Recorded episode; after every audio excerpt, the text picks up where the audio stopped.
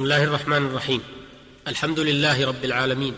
الصلاة والسلام على نبينا محمد وعلى آله وأصحابه والتابعين لهم بإحسان إلى يوم الدين. وبعد أيها المستمعون الكرام السلام عليكم ورحمة الله وبركاته. نسأل الله تعالى أن يرزقنا وإياكم الفقه في دينه والعمل بأحكامه والإخلاص لوجهه. نواصل الحديث معكم في موضوعات الفقه الإسلامي. ونتناول في هذه الحلقة إن شاء الله موضوع القرض من حيث تعريفه وفضله وما يتعلق به من أحكام. فالقرض لغة القطع لأن المقرض يقطع شيئا من ماله يعطيه للمقترض.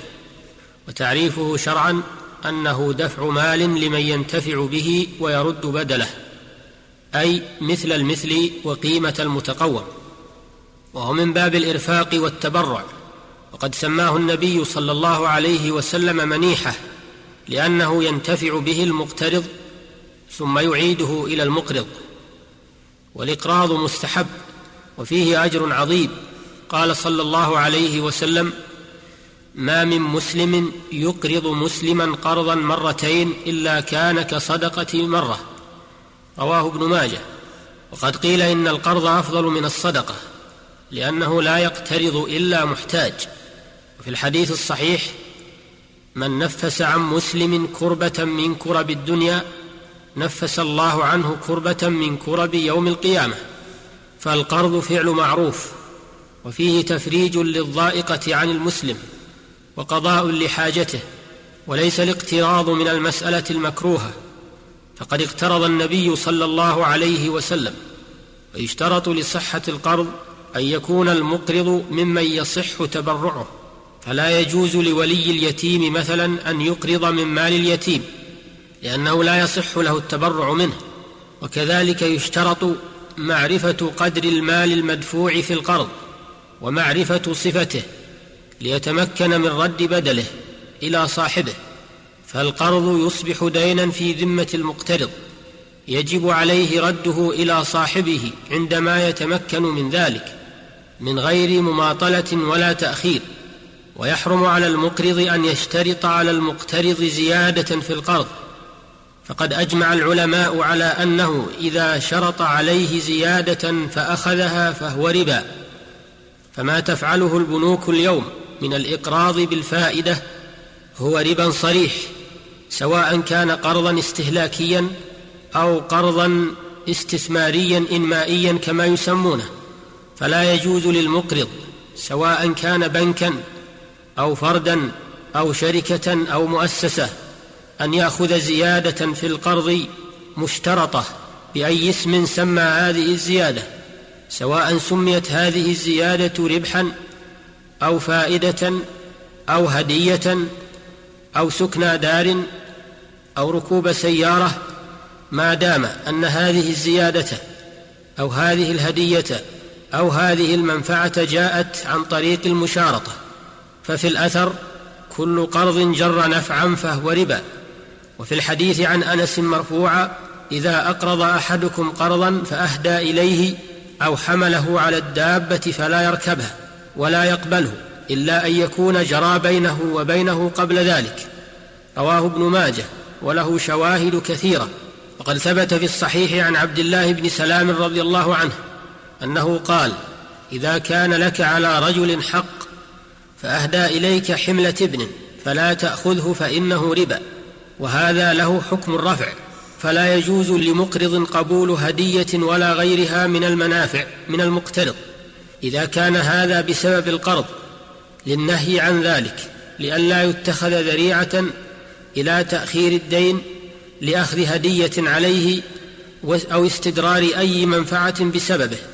لأن هذا ربا لأنه يعود إليه ماله مع زيادة والقرض إنما هو عقد إرفاق بالمحتاج وقربة إلى الله تعالى فإذا شرط فيه الزيادة أو تحراها وقصدها أو تطلع إليها فقد أخرج القرض عن موضوعه الذي هو التقرب إلى الله بدفع حاجة المقترض إلى الربح من المقترض فلا يصير قرضا وإنما يصير استغلالا.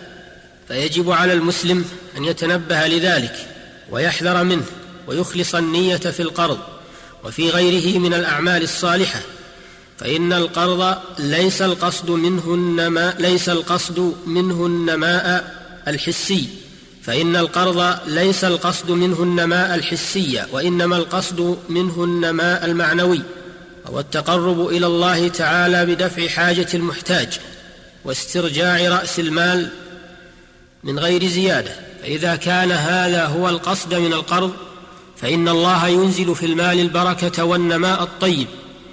هذا وينبغي أن يعلم أن الزيادة الممنوع أخذها في القرض إنما هي الزيادة المشترطة. كأن يقول أقرضك كذا وكذا بشرط أن ترد علي المال بزيادة كذا وكذا بنسبة معينة ونحوها أو بشرط أن تسكنني دارك أو دكانك أو تهدي إلي كذا وكذا أو لا يكون أو لا يكون هناك شرط ملفوظ به ولكن هناك قصد للزيادة يتطلع إليها فهذا هو الممنوع المنهي عنه. أما لو بذل المقترض الزيادة من ذات نفسه وبدافع منه بدون اشتراط من المقرض أو تطلع وقصد إلى ذلك فلا مانع من أخذ الزيادة حينئذ. لأن هذا يعتبر من حسن القضاء لأن النبي صلى الله عليه وسلم استسلف بكرا فرد خيرا منه وقال خيركم أحسنكم قضاء وهذا أيضا من مكارم الأخلاق المحمودة عرفا وشرعا ولا يدخل في القرض الذي يجر نفعا لأنه لم يكن مشروطا في القرض من المقرض لأنه لم يكن مشروطا في القرض ولا هو متواطأ عليه بين المقرض والمقترض. وإنما ذلك تبرع من المستقرض وكذلك إذا بذل المقترض للمقرض نفعا معتادا بينهما قبل القرض بأن كان من عادة المقترض بذل هذا النفع ولم يكن الدافع إليه هو القرض فلا مانع من قبول الانت فلا مانع من قبول الانتفاع المذكور الانتفاء المحذور. ثم إنه يجب على المقترض الاهتمام بأداء ما عليه من دين القرض ورده إلى صاحبه من غير مماطلة ولا تأخير حينما يطالبه بذلك أو يقدر على الوفاء يقول الله تعالى هل جزاء الإحسان إلا الإحسان؟ وبعض الناس يتساهل في الحقوق وبعض الناس يتساهل في الحقوق عامة وفي شأن الديون خاصة وهذه خصلة ذميمة جعلت كثيرا من الناس يحجمون عن بذل القروض والتوسعة على المحتاجين مما قد يلجئ المحتاج إلى الذهاب إلى بنوك الربا والتعامل معها بما حرم الله لأنه لا يجد من يقرضه قرضا حسنا والمقرض لا يجد من يسدد له قرضه تسديدا حسنا حتى ضاع المعروف بين الناس وساد الشح والبخل. ولا حول ولا قوة إلا بالله العلي العظيم. وإلى الحلقة القادمة بإذن الله تعالى. السلام عليكم ورحمة الله وبركاته.